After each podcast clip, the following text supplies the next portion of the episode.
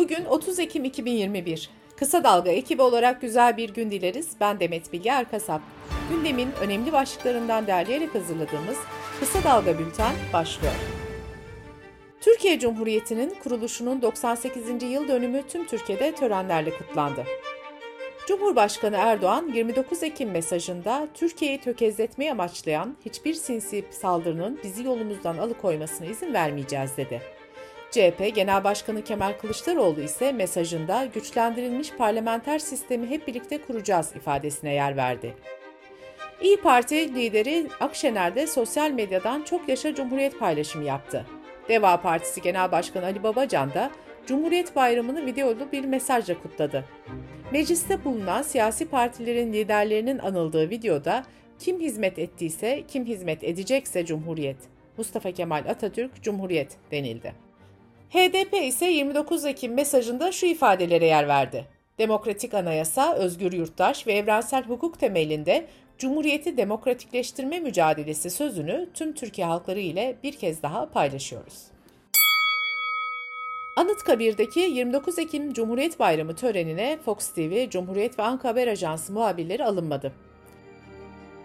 Fox Haber Genel Yayın Yönetmeni Doğan Şentürk, siyasi tarihimizde bir örneği olmayan, 35 yıllık meslek yaşamımda da rastlamadığım bu uygulama sadece anayasanın ihlali değil aynı zamanda akıl tutulmasıdır dedi. Türkiye Gazeteciler Cemiyeti ise Cumhuriyet Bayramı iktidarın tek elinde değildir diye tepki gösterdi. Türkiye Gazeteciler Sendikası'nın açıklaması ise şöyle. Anıtkabir'deki töreni takip etmek isteyen Fox TV, Cumhuriyet ve Anka'dan meslektaşlarımız İletişim Başkanlığı'nın emriyle içeri alınmadı. Bu yapılan sansürdür, ayrımcılığa son verin, halkın haber alma hakkını çiğnemeyin. Cumhurbaşkanı Erdoğan, Cumhuriyet Bayramı dolayısıyla Cumhurbaşkanlığında düzenlenen törende tebrikleri kabul etti. Osman Kavala'nın serbest bırakılması için Türkiye'ye çağrı yapan ve aralarında Amerika, Almanya, Fransa ve Kanada'nın da olduğu 10 ülkenin büyükelçisi törene davet edilmedi. Diyanet İşleri Başkanı Ali Erbaş da törene katılmadı.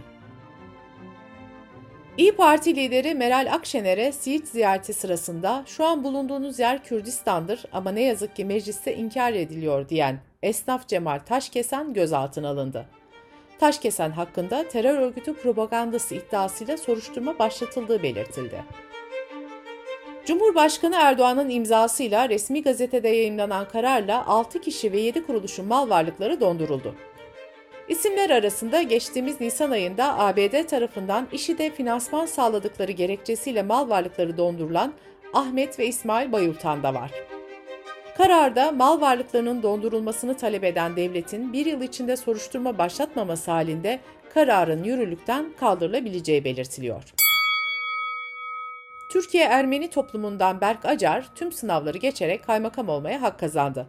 Agos'un haberine göre Acar'ın kaymakam olarak atanmasıyla Cumhuriyet döneminde bir ilk gerçekleşecek ve Türkiye Ermenilerinden bir kişi ilk kez kaymakamlık görevini yapacak. OHAL işlemleri inceleme komisyonu barış bildirisi imzacısı Nail Dertli, Ahsen Deniz Morva, Erhan Keleşoğlu ve Hakan Ongan hakkında red kararı verdi. OHAL komisyonu Aralık 2017'den bu yana 103.365 başvuruyu reddetti. 15.050 başvuru ise kabul edildi. Komisyonun karar vermesi beklenen 8.343 başvuru bulunuyor. Denizli'de Furkan Zıbıncı tarafından öldürülen Şebnem Şirin'in ailesinin avukatı Osman Tabu çok önemli bir iddiayı gündeme getirdi. Osman Tabu şunları söyledi. Ciddi bir hata ihtimali söz konusu. Polis ekipleri dairenin kapısına kadar gelerek misafir gibi kapıyı çalıyorlar. Zanlı ve maktulün içeride olmasına karşın herhangi bir ses yok deyip hiçbir tedbir almadan veya yandaki bir dairenin kapısını dahi çalmadan oradan ayrılıyorlar. Bültenimize COVID-19 haberleriyle devam ediyoruz. Türkovak'ın hatırlatma dozu olarak etkinliğini test etmek amacıyla 28 ilde 41 merkezde yapılan 3. faz klinik çalışmaları devam ediyor. Türkovak Koordinatör Araştırmacısı Doçent Doktor Bedia Mert Dinç, yerli aşının 2 doz Sinovac yaptıranlara hatırlatma dozu olarak uygulandığını ve gönüllü sayısının 600'e ulaştığını belirtti. Dinç, iki doz Biontech aşısı olmuş gönüllülerde de yerli aşının etkinliğini araştıracaklarını söyledi. İngiltere 17 Mayıs'tan beri yürürlükte olan kırmızı liste uygulamasını fiili olarak rafa kaldırıyor. Listede kalan son 7 ülke olan Ekvador, Dominik Cumhuriyeti, Kolombiya, Peru, Panama, Haiti ve Venezuela pazartesiden itibaren listeden çıkartılacak. Artık bu ülkeden yolcular COVID-19 aşılarını tamamlamışsa İngiltere'ye vardıklarında otel karantinasına girmek zorunda kalmayacak.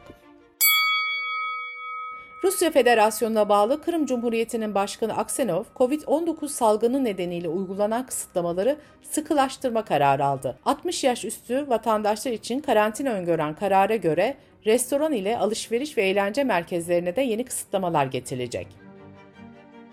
Belçika'da hızla artan COVID-19 vaka sayıları nedeniyle dünden itibaren salgına karşı önlemleri yeniden sıkılaştırmaya başladı.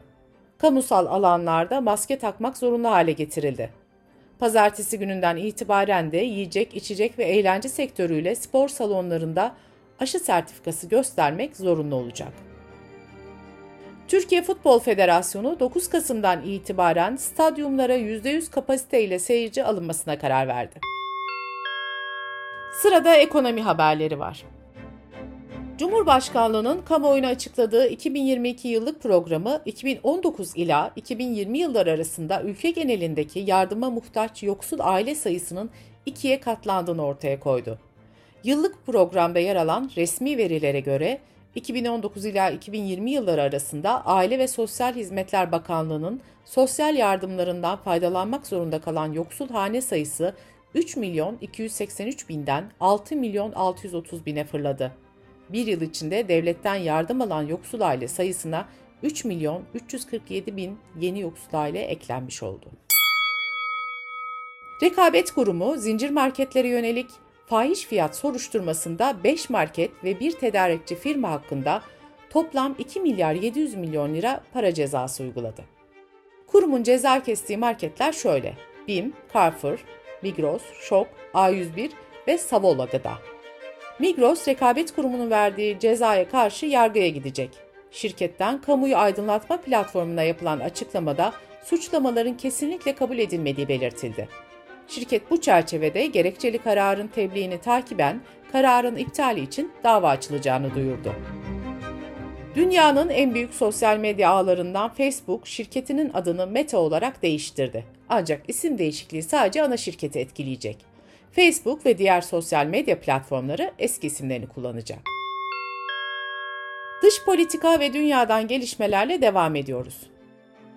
ABD Ulusal Güvenlik Danışmanı Sullivan, ABD Başkanı Joe Biden ile Cumhurbaşkanı Erdoğan arasında önümüzdeki hafta Glasgow'da düzenlenecek Birleşmiş Milletler İklim Zirvesi'nde bir görüşme gerçekleşmesi planlarına ilişkin açıklama yaptı. G20 zirvesine katılmak üzere Roma'ya giden Biden'ın uçağında soruları yanıtlayan Sullivan, olası görüşme ilişkin teyit edemem ancak şu anki beklenti bu yönde ifadelerini kullandı. Almanya Başbakanı Merkel, Atina'ya son resmi ziyaretinde Türkiye ile tüm sorunlara rağmen makul bir ilişki kurmak zorunda olduklarını belirtti. Yunanistan Başbakanı Mitsotakis de yapıcı ilişki istediklerini ancak kırmızı çizgilerin aşılamayacağını kaydetti. Mitsotakis, Yine de şunun altını tekrar çizmek istiyorum. Türkiye ile ilişkilerin kesilmesini istemiyoruz. Bu kimsenin iyiliğine olmaz diye konuştu. Dünyanın en büyük ekonomilerini bir araya getiren Uluslararası Forum G20'nin liderler zirvesi bugün İtalya'nın başkenti Roma'da başlayacak. İki gün sürecek olan zirvede koronavirüsle mücadele, pandemi sonrası ekonomik kalkınma ve iklim krizi konularına odaklanılacak. Brexit sonrasında İngiltere ile Fransa arasındaki balıkçılık hakları konusundaki anlaşmazlık derinleşiyor. İngiltere, Fransa'nın Londra Büyükelçisini Dışişleri Bakanlığı'na çağırdı. İngiltere'ye bağlı Jersey Adası yönetimi kendi kara sularında avlanmaya devam etmek isteyen Fransız balıkçı teknelerinden geçmişteki faaliyetlerine dair kanıt sunmalarını istemişti. Bu durum İngiltere ve Fransa arasında gerilime neden olmuştu. Fransa, Jersey'nin elektriğini kesme tehdidinde bulunmuş, Fransız balıkçılar da adadaki limanı ablukaya almıştı. Manş adalarından olan Jersey'nin elektriğinin %95'i yaklaşık 14 mil uzaklıktaki Fransa tarafından karşılanıyor.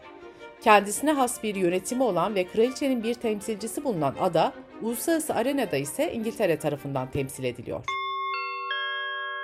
Bültenimizi kısa dalgadan bir öneriyle bitiriyoruz.